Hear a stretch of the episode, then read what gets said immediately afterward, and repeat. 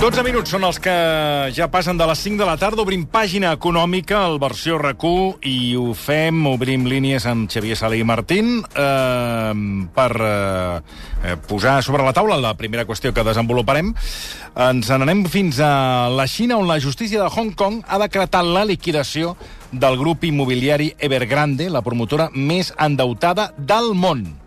El gegant immobiliari xinès, amb més de 300.000 milions de dòlars de deute, ha estat incapaç de presentar un pla de reestructuració. Tot i que l'empresa pot recórrer, la pregunta que ens fem és bé, si hi haurà, si tindrà impacte la liquidació d'aquest monstre immobiliari Evergrande per l'economia xinesa. I de retruc, com és habitual, de quina manera pot afectar l'economia europea. Ha arribat, la, diríem que podem dir que ha arribat a la Xina el que va ser en el seu moment Lehman Brothers.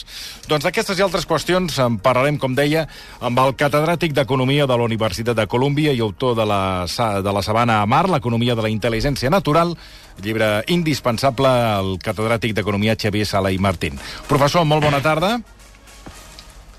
Hola, molt bona tarda, com estem? Molt bé, i gràcies per acompanyar-nos. Eh, D'Ibergrande ja en vàrem parlar amb vostè fa temps, ja va dir, ja en vàrem parlar de la possibilitat de que acabés patant aquest monstre immobiliari, doncs eh, diríem que eh, ja s'ha confirmat. Eh, Evergrande té més de 1.200 projectes immobiliaris en venda en diferents fases de desenvolupament, segons la memòria del 2022, publicat l'estiu d'aquest 2023, eh, d'aquest passat any. Eh, bé, la, la pregunta, la primera qüestió que li trasllado és, clar, ara haurà de vendre tots aquests actius per tornar al deute, i no sé què, què pot implicar la liquidació d'aquesta companyia. I la segona qüestió és quin impacte pot tenir aquesta liquidació per l'economia xinesa, professor. A veure, el, per la companyia, clarament, eh, vol dir tancar.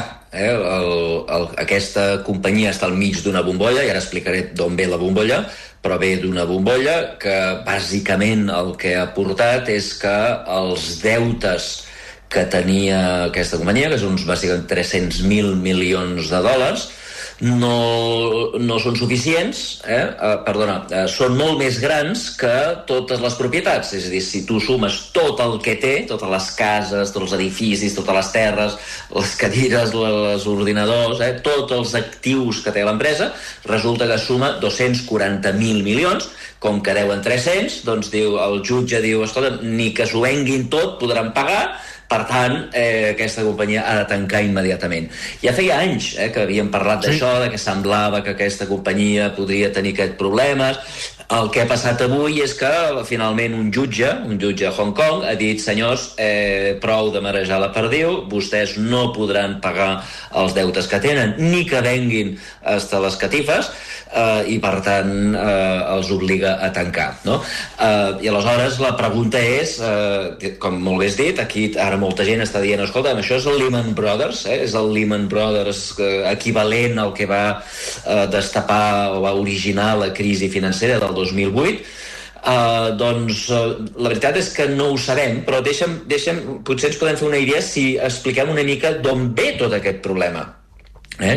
El problema és que la Xina produeix productes, eh? la Xina, la Xina s'ha convertit en un gran eh, productor de productes manufacturers, des de microchips fins a automòbils, eh, passant per tot, eh, tot allò que hi ha mig, joguines, eh? tot, tot el que es venen els xinos, i la pregunta és qui ho compra tot això? Eh? Durant molts anys, els compradors, bàsicament, de les coses xines han estat els estrangers, eh? les exportacions. Nosaltres, eh, que anem a la, a la botiga del xino, hi ha de tot. Eh? Eh, doncs hi ha botigues de xinos a tot arreu del món, i venen, i venen, i venen. Les, eh, diguem, I, per tant, el principal comprador eren les explotacions. I això és una cosa que al govern xinès no li agradava, perquè no el govern xinès, que segueix dominat pel Partit Comunista xinès, eh, encara que sigui una economia capitalista, el, el qui mana és el Partit Comunista, doncs no volia dependre tant dels estrangers i eh, ja fa molts anys que està intentant canviar la situació. Diu, no vull que em comprin tant els estrangers. Eh, hem de vendre més a casa. Eh? Llavors, a casa hi ha tres tipus de compradors. Eh? Un són les famílies, un altre són les empreses i l'altre és el govern. No hi ha més. Eh? Només hi ha aquestes tres possibilitats. Llavors el govern va començar a induir a la gent a que comprés la gent, els, les famílies, eh? compreu eh, neveres, compreu cotxes, compreu cases, Però els xinesos, els ciutadans xinesos, no volen comprar. Els ciutadans xinesos tenen una mania brutal per estalviar. Segurament és perquè la seva seguretat social no funciona massa bé, no tenen jubilacions, etc etc i llavors estan estalviant per si les mosques, no?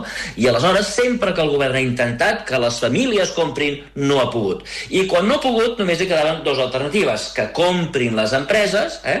o, o que compri el govern. El govern ja s'ha fet un far de comprar. El govern ha invertit en infraestructures, ha asfaltat tot el país tres vegades, han fet carreteres, ponts, eh? el govern ha comprat molt, Uh, I l'altre, cada vegada que fallaven les famílies, deia a les, a les empreses, vosaltres compreu, eh? compreu acer les, les, les empreses, per què compren acer? Per què compren carbó? Per què? Doncs compren per construir, construir fàbriques, construir cases, eh? I així, a poc a poc, eh, induïen a les empreses a comprar tot l'acer i tot el, tot el ciment i tot el que feien les, les fàbriques. Eh? Um, però fixa't que això el que fa és que cada vegada, si tu tens més fàbriques, cada vegada tens més coses per vendre. Mm -hmm. Eh? Quan més fàbriques fas, més coses tens per vendre. Per tant, d'alguna manera vas agreujar el problema, perquè, eh, diguem, de, qui, qui comprarà, no? Qui comprarà al final les neveres? Qui comprarà al final les cases? Eh, I el govern deia, vosaltres no us preocupeu, vosaltres seguiu fabricant, seguiu fabricant, seguiu fabricant. I feia que els bancs de tot el país doncs, els hi donguessin crèdits a les empreses perquè seguissin fabricant, i seguissin fabricant, i seguissin fabricant. Eh? I seguissin fabricant vol dir fabricar fàbriques d'acer, fàbriques de neveres, però també fabricant edificis, és a dir, construint edificis. I aquí és on hi ha una part del problema amb Evergrande, no? que ha tingut tot un sistema financer donant-li crèdit perquè fessin més i més i més i més cases, cases que no venien, perquè els xinos segueixen sense voler comprar. Els xinos volen estalviar. Els xinos estalvien el 60% del que guanyen. Eh? Nosaltres estalviem gairebé el zero. Eh? Nosaltres gairebé no estalviem. Doncs ells estalvien 60%, i clar, no compren cases, no compren cotxes, no compren neveres, no compren acer, i les fàbriques van fent cada vegada més, més fàbriques i cada vegada més edificis i cada vegada més vivendes i no els venen i fixeu-vos que estem en una situació més o menys que la que hi havia a Espanya l'any 2008 un sistema financer que ha donat molts, molts, molts crèdits en, el, en les promotores immobiliàries perquè facin tot tipus de cases i aquestes cases no es venen. Llavors, què passa? Que les promotores immobiliàries, l'Evergrande, doncs eh, té una muntanya de pisos construïts que no ven ni a tiros, però té una muntanya de deutes perquè el, tots aquests calés que els hi ha prestat els bancs s'han de tornar. I estem en aquesta situació actual, que és la mateixa situació que es van trobar la major part de promotores immobiliàries, recordeu, l'any 2008, eh, i que, diguem que era que tenien molts pisos, que tenien molts deutes, que amb els pisos, com que no els venien, doncs eh, no podien tornar els deutes, i això es contagiava en el sistema financer. Eh? perquè ara el problema ja no és Evergrande. Evergrande, mira, fa fallida i, esclar, els, els propietaris s'arruïnaran, els treballadors s'aniran a l'atur, però el problema gros és que, clar, tots aquests calés que li deuen que li deu Evergrande, que li deuen totes les altres immobiliàries i que li deuen totes les fàbriques del país, en els bancs com es tornaran. I, per tant, la gran pregunta és, això explotarà com va explotar Espanya? Uh, o el govern de la Xina es traurà un as de sota la màniga i solucionarà el problema? Fins ara, sempre que hi ha hagut problemes econòmics a la Xina, tothom ha confiat en el Partit Comunista. Eh? El govern mm, ho ha fet bastant bé, se n'han sortit de totes les crisis. Tot i que cada any la taxa de creixement és més baixa, més baixa, més baixa. No fa gaire estàvem parlant de que la Xina creixia el 10-12% cada any, després que creixia el 9-10, després que creixia el 7-8, després que creixia el 5-6, i ara ja estem parlant de créixer el 3-4. I per tant, el, que, diguem, el país cada vegada creix més a poc a poc, però eh, no hi ha hagut cap gran crisi econòmica, no hi ha hagut cap gran catàstrofe com la que vam patir nosaltres l'any 2008. I, per tant, el Partit Comunista doncs, ha agafat una reputació de saber gestionar l'economia bastant bé. I els que ara estan tranquils diuen no, no, és que el Xi Jinping ho ha fet sempre bé i, per tant, escolta'm, tranquils que tot anirà bé però hi ha d'altres que diuen no, no, és que el Xi Jinping ens ha enganyat molt.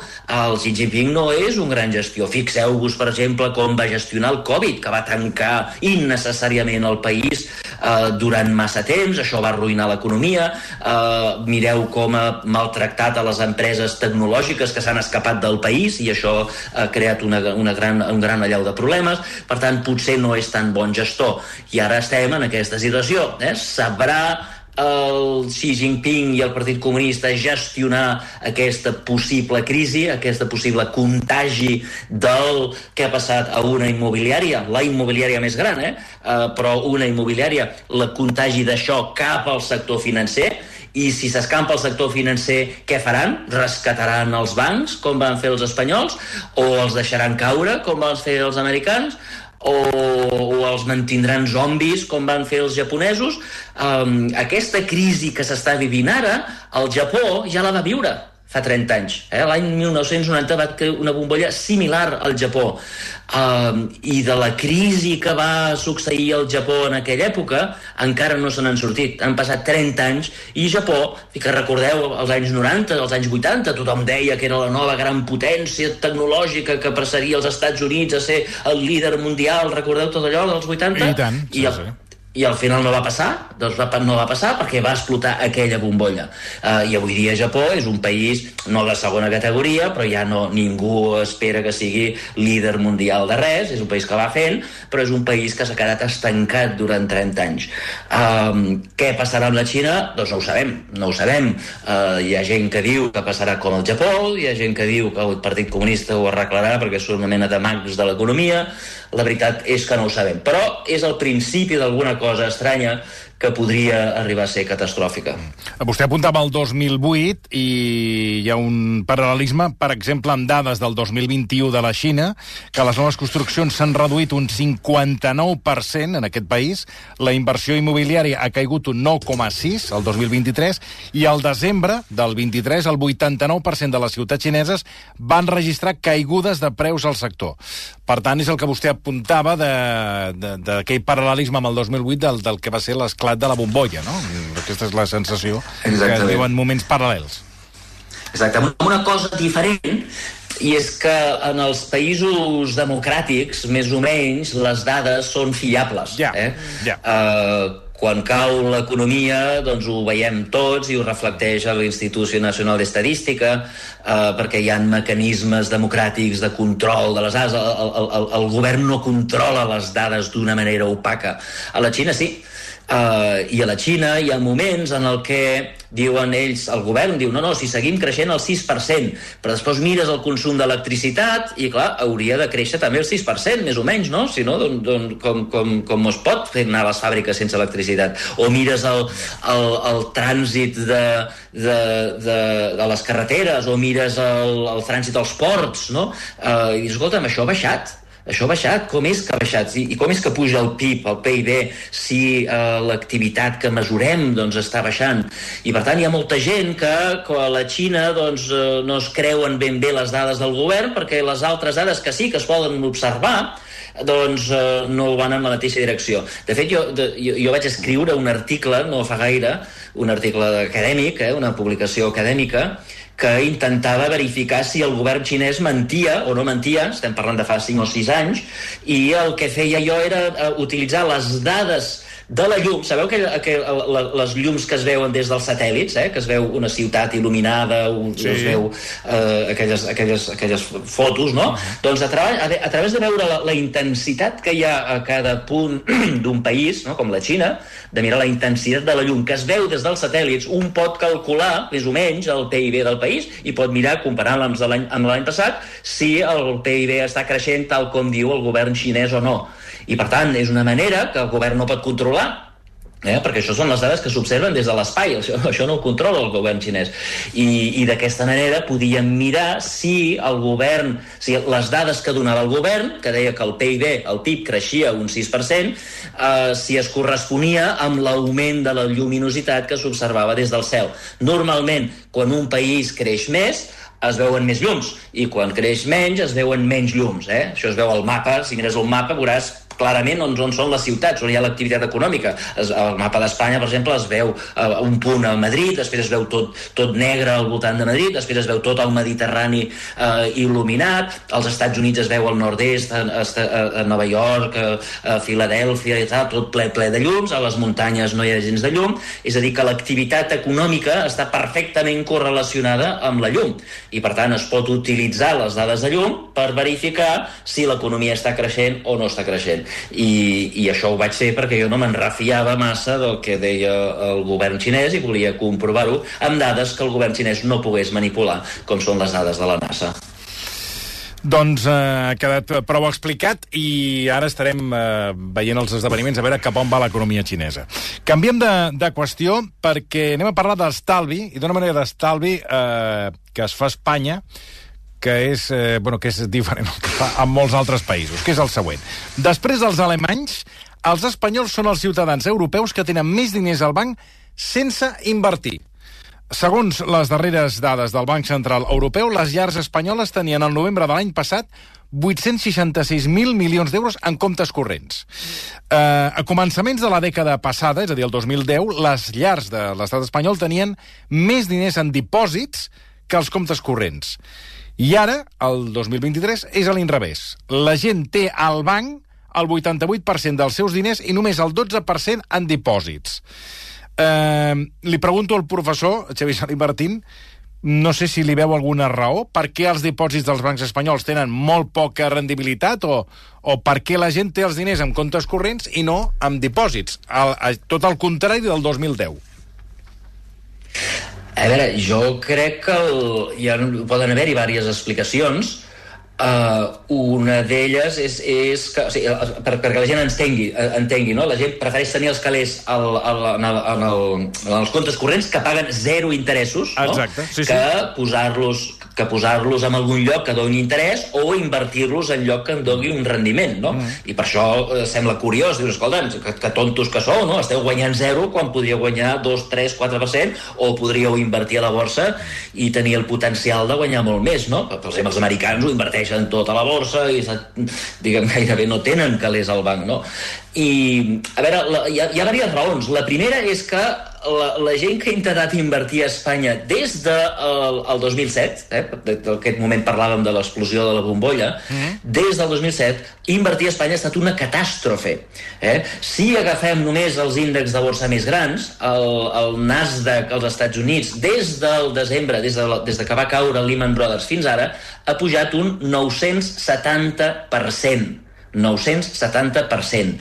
Uh, per compte, l'Standard Poor's, és a dir, l'índex de, de, de, de, de gros de Nova York, ha pujat un 500%. És a dir, que si tu haguessis, uh, haguessis posat els calés a Nova York, avui dia els haguessis multiplicat, gairebé haguessis doblat des de l'any des de l'any uh, 2008 fins ara, no? A, a Espanya, mm, des sí. del novembre del 2007, l'IBEX 35, el 2007, valia 15.000, tenia 15.000 punts, ara té 10.000. És a dir, ha perdut el 30%. És a dir, que la gent que en lloc d'invertir a la borsa ha tingut els calés al banc eh, eh, és molt més rica que els que van invertir. Eh, segona, en aquella època recordeu que els bancs ens van enganyar va haver-hi un escàndol, que és l'escàndol de les preferents, uh mhm. -huh. en el qual el director de la sucursal li deia a la iaia, escolti, vostè compri una cosa que tenim aquí que es diu preferents, que, que com el seu nom indica és preferent i que quan, si, si, si el banc peta, doncs vostè serà la primera que cobrarà, que cobrarà perquè és preferent, etc. Aquells, aquelles coses, l'única cosa que tenien de preferent era el nom eh, perquè quan els bancs van petar, els últims que van cobrar eren els que tenien preferents i es va descobrir que els bancs ho feien perquè era una manera que ells tenien d'augmentar el capital, que és una cosa que els hi requerien des de Brussel·les que havien de fer, i de dir, escolta, veneu-los i la moto en els clients perquè, perquè us posin els calés aquí, no? I, i recordeu que haver-hi milers i milers, milions de persones a tot Espanya que van perdre tots els estalvis per culpa d'això. I, per tant, la gent va perdre la confiança en els bancs la gent va dir, què collons, hosti, m'estan enganyant, no, no sé què fer, la gent no sap, no sap ni de, ni de dipòsits, ni de, ni de borsa, no sap res, no? El que sí que sap és que els bancs els van enganyar i ara, la, diguem, no volen invertir en, en lloc, eh? quan el banc en diu inverteix així, la gent diu, no, no, no, no em molestis, tu, eh, prefereixo com a mínim no perdre res. Exacte. Eh? I, mm. Perquè això, això, això de guanyar ja, ja ho deixo, ja, ja ho dono per perdut, com a mínim no, no vull perdre. I després hi ha hagut l'altre escàndol amb la banca banca que ha sigut l'escàndol del FROP.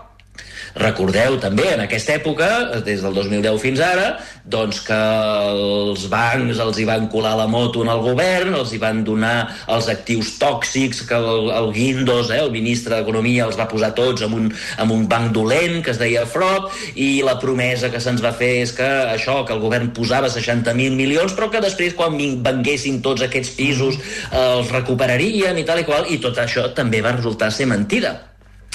I per tant, Uh, i, i per tant, mentida, i per tant els contribuents, és a dir, tots hem acabat pagant els 60.000 milions aquells que figurava que havíem de recuperar.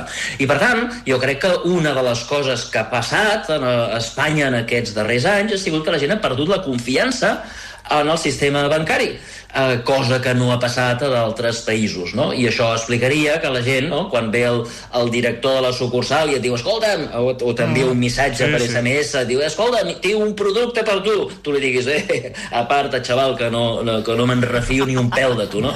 Uh, no, no, perquè, no? perquè o bé no en tens ni idea, o bé m'estàs intentant veure la moto i ja ho vas fer una vegada, i per tant, no.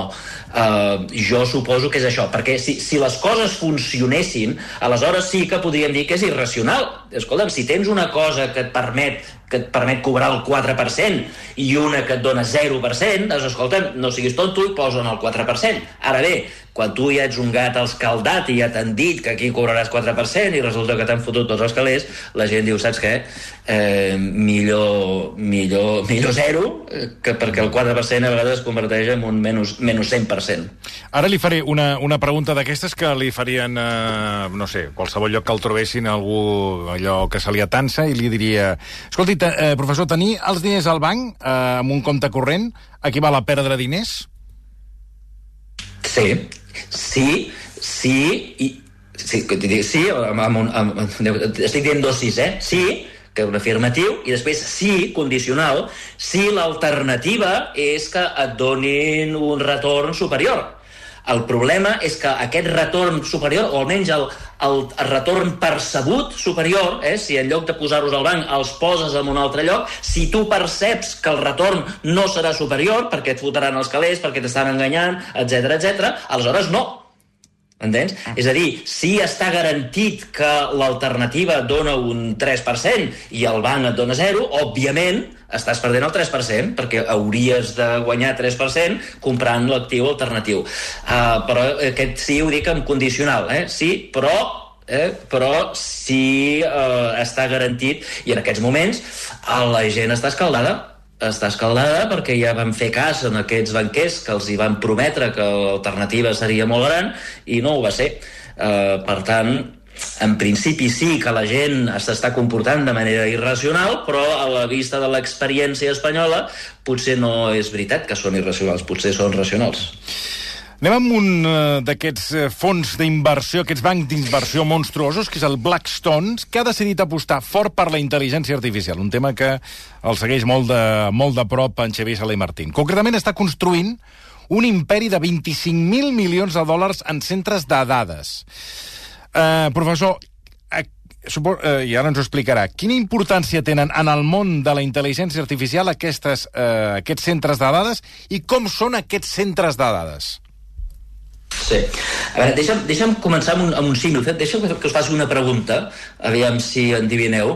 Uh, quan hi ha la febre de l'or, quan hi ha una febre de l'or, sí. eh, allò que tothom es torna boig i diu, escolta, hem trobat or a Califòrnia i tothom va cap a Califòrnia a buscar or i, i, i, i es passen hores i hores eh, allò, amb pics i pales, allò, als rius eh, i filtrant l'aigua per veure si troben or. Hi haurà alguns que trobarà alguns que trobaran or i uns altres que no trobaran or. Oi que sí? Hi haurà uns que guanyaran i uns altres que no guanyaran. Ara, hi ha algú, hi ha algun que, que segur que guanya. Hi ha un que es, que es fa d'or i, que no, i que no obté cap or. I saps qui és? El que ven les pales. Eh? Sí, Tant si... Sí, sí. Clar. I els sedassos, el, el, el, que, Ah, S'ha quedat amb nosaltres, sí. eh? Que estàvem aquí pensant Estàvem pensant a veure què, què podem respondre. i... Digui, digui. No, no, això, això per què ho dic? Doncs perquè ara estem uh, amb una febre d'or que es diu la intel·ligència artificial, uh, en el qual doncs, hi haurà nous tipus de negocis, n'hi haurà uns que guanyaran, uns altres que perdran, uns que es faran molt rics, uns altres que s'arruïnaran, eh? no sabem ben bé encara cap on va, però sabem segur que hi ha un que es fotrà d'or, que és eh, o n'hi ha dos que es faran d'or. Uns són els que venen els microchips, eh, els semiconductors que necessita la intel·ligència artificial per funcionar, és a dir, els cervells aquests que fan servir. Per això, si us hi fixeu, en, els darrers, en el darrer any, les companyies que més han pujat a la borsa són companyies com Nvidia o, o AMD, que són productors de semiconductors, són els que fan el, el motor que fa anar la, la intel·ligència artificial. I dos, els centres d'emmagatzemament de dades. La intel·ligència artificial, bàsicament, avui dia, és una, un mecanisme estadístic que fa que els ordinadors analitzin milions i milions i milions i milions de dades, les processin amb aquests eh, microprocessadors i, i facin coses, com el xat GPT. Per exemple, el xat GPT, per poder funcionar, per poder aprendre, ha llegit tots els textos, tots els textos, repeteixo, tots els textos que hi ha a internet tots els textos, les Wikipèdies, els, els, els, els, els diaris, eh? tot el que ha escrit el New York Times, per això el New York Times els ha portat als tribunals, per cert, uh, tots els, totes les pàgines webs que hi ha a tot arreu, tot, tot, tot ho he llegit, ho he llegit, ho he llegit, ho he llegit, tot, tot, totes les dades. Si un humà hagués de llegir tot això, tardaria 250.000 anys acabar tot el que he llegit. I tot això s'ha de processar. Eh? Totes aquestes dades s'han de processar i per això necessites doncs, centres de dades, punt número 1, i semiconductors, eh, una cosa que es diuen GPUs, eh, processadors de gràfics. Eh, doncs clar, aquests dos segur que es forren, eh? I per, perquè són diguem, els que venen les pales en aquest nou negoci. Uh, I el que ha fet aquesta empresa que m'has mencionat tu, Blackstone, és donar-se compte de que qui, uh, quan hi ha una febre d'or, qui guanya és el que ven pales i, per tant, han comprat empreses de pales. Eh? Uh, però, per entendre'ns, el, aquestes empreses, diu, aquestes fàbriques de pales són gegants, eh? perquè a diferència de la intel·ligència natural, que nosaltres per a aprendre el que és un gat, necessitem que la papa o la mama ens doni un exemple quan tenim dos anys, eh? Mira, mira, això és un gat i això és un gos, eh? Només que ens donin dos o tres exemples, nosaltres ja ho aprenem. La intel·ligència artificial aprèn també a base d'exemples, hi ha un senyor que et diu això és un gat i això és un gos, però en lloc de dos o tres exemples necessita milions i milions i milions. Eh? Insisteixo, per poder aprendre a escriure ha hagut de llegir totes les dades que hi ha a internet. Això és com s'ha creat el xat GPT. I per tant, s'han necessitat una quantitat ingent de microprocessadors i una quantitat ingent de centres, centres de dades. El que està passant és que la cosa va més perquè el xat GPT utilitza totes les dades, tots els textos d'internet, però només utilitza textos. Hi ha moltes dades que estan arribant ara mateix en els centres de dades eh, que, que són, per exemple, vídeos que són, per exemple, dades mèdiques dels aparells que portem en els, en el que portem en els rellotges, eh? que ens envien les pulsacions, ens envien eh, tot tipus de dades, hi ha milions i milions de persones que porten aquests rellotges, totes aquestes dades van a parar als centres de dades. Els vídeos, per exemple, els cotxes, els Teslas, eh? sabeu que els cotxes Teslas tenen unes càmeres que van mirant per tot arreu i d'aquesta manera els cotxes aprenen a conduir, fixant-se com, com ho fan els humans per poder després ells fer eh, el mateix, doncs totes aquestes dades de vídeo també estan arribant. I les dades de vídeo són encara més grosses que, les, que els textos. Eh? Quan baixeu una foto per internet veieu que pesa molt més que no pas si envieu una paraula. I per tant, um, la quantitat de dades que s'hauran de generar, de manipular, d'estudiar, de donar-li a les màquines perquè prenguin en el futur, només pujarà exponencialment. Eh? I, I per aquestes empreses, els inversors aquests que ja veuen cap on va el futur, diuen, escolta, aquí el negoci no està amb l'or, Aquí el negoci està a les pales. I, i això és exactament el que ha fet, el que ha fet uh, Blackstone. Mm. Eh, que, per cert, eh, un, dels operador, un, un dels operadors eh, que és el QTS, eh, de centres de dades que ha comprat Blackstone, eh, estima que els seus projectes necessiten 6 gigabytes de, de, de potència. Això equival al consum de 5 milions de llars. Per tant, eh, també aquí hi ha una despesa energètica que, ja, per, per tenir, eh, que consumiran aquests centres de dades, no? És a dir, que aquí eh, entrem també en una nova fase del que és consum energètic i més despesa energètica, que no sé de quina manera, eh, en tot això el canvi climàtic, bueno, doncs és, és un altre factor més a, a afegir-hi. Exacte, exacte. Jo crec que el, el món de la intel·ligència artificial és... Es, es, jo crec que estem en el món... Recordeu l'any 95, 96 a internet, eh? Que apareixia a internet, sí, que tothom sí. deia això serà un negoci, això, però ningú sabia bé cap on, quin, quin seria el negoci, mm. no, ningú no pensava que Amazon seria el que triomfaria, hi havia tot, hi havia eh, Yahoo, i Terra, i Lycos, i tot d'empreses que sabia, no sabien ben bé qui guanyaria. Estem en aquell moment, eh? Ningú sap ben bé cap on va el negoci, sembla que hi haurà negoci, sembla que els venedors de pales es forraran, l'altre doncs no ho sabem, i el que, el que, el que està, el que està diguem, hi han dos problemes potencials molt grossos que pot tenir la intel·ligència artificial, que també veurem cap on va. Un és el que ja ha destapat el New York Times. És a dir, totes aquestes dades que fan servir són nostres Eh? El New York Times diu, escolta, vosaltres heu fet servir els nostres articles que estan en tancat i els heu fet servir per... Eh, I la prova és que quan preguntes determinades coses, la resposta que et dona el xat GPT és idèntica a la d'un article del New York Times. Per tant, heu fet servir el New York Times i no ens heu demanat permís ni ens heu pagat drets de propietat i, per tant, aquí el pot haver-hi un problema legal que pot potencialment ser molt gordo, els hi poden fotre molts calés, uh, i l'altre jo crec que serà el problema mediambiental que hi haurà un moment que diran, escolta'm, aquestes màquines ho fan molt bé, però escolta'm, en, en, en estan creant un problema, aquests centres de dades gasten una enorme quantitat d'electricitat i la societat no està disposada a pagar-ho, no?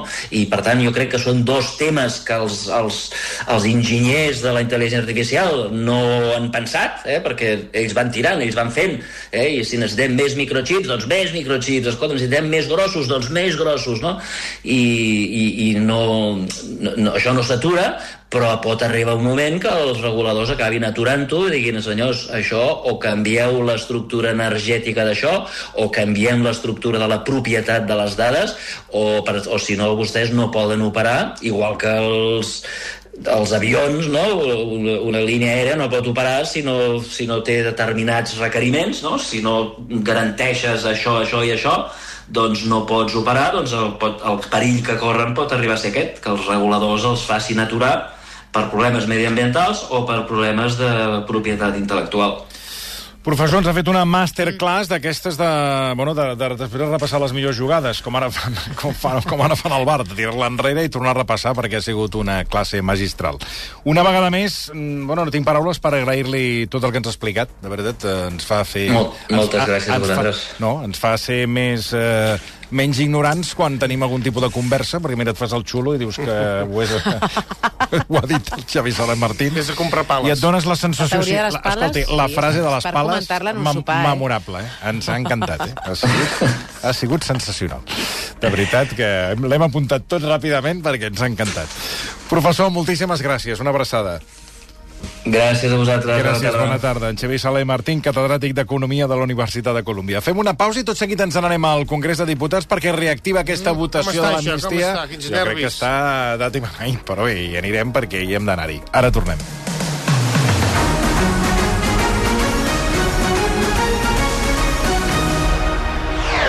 Versió RAC 1.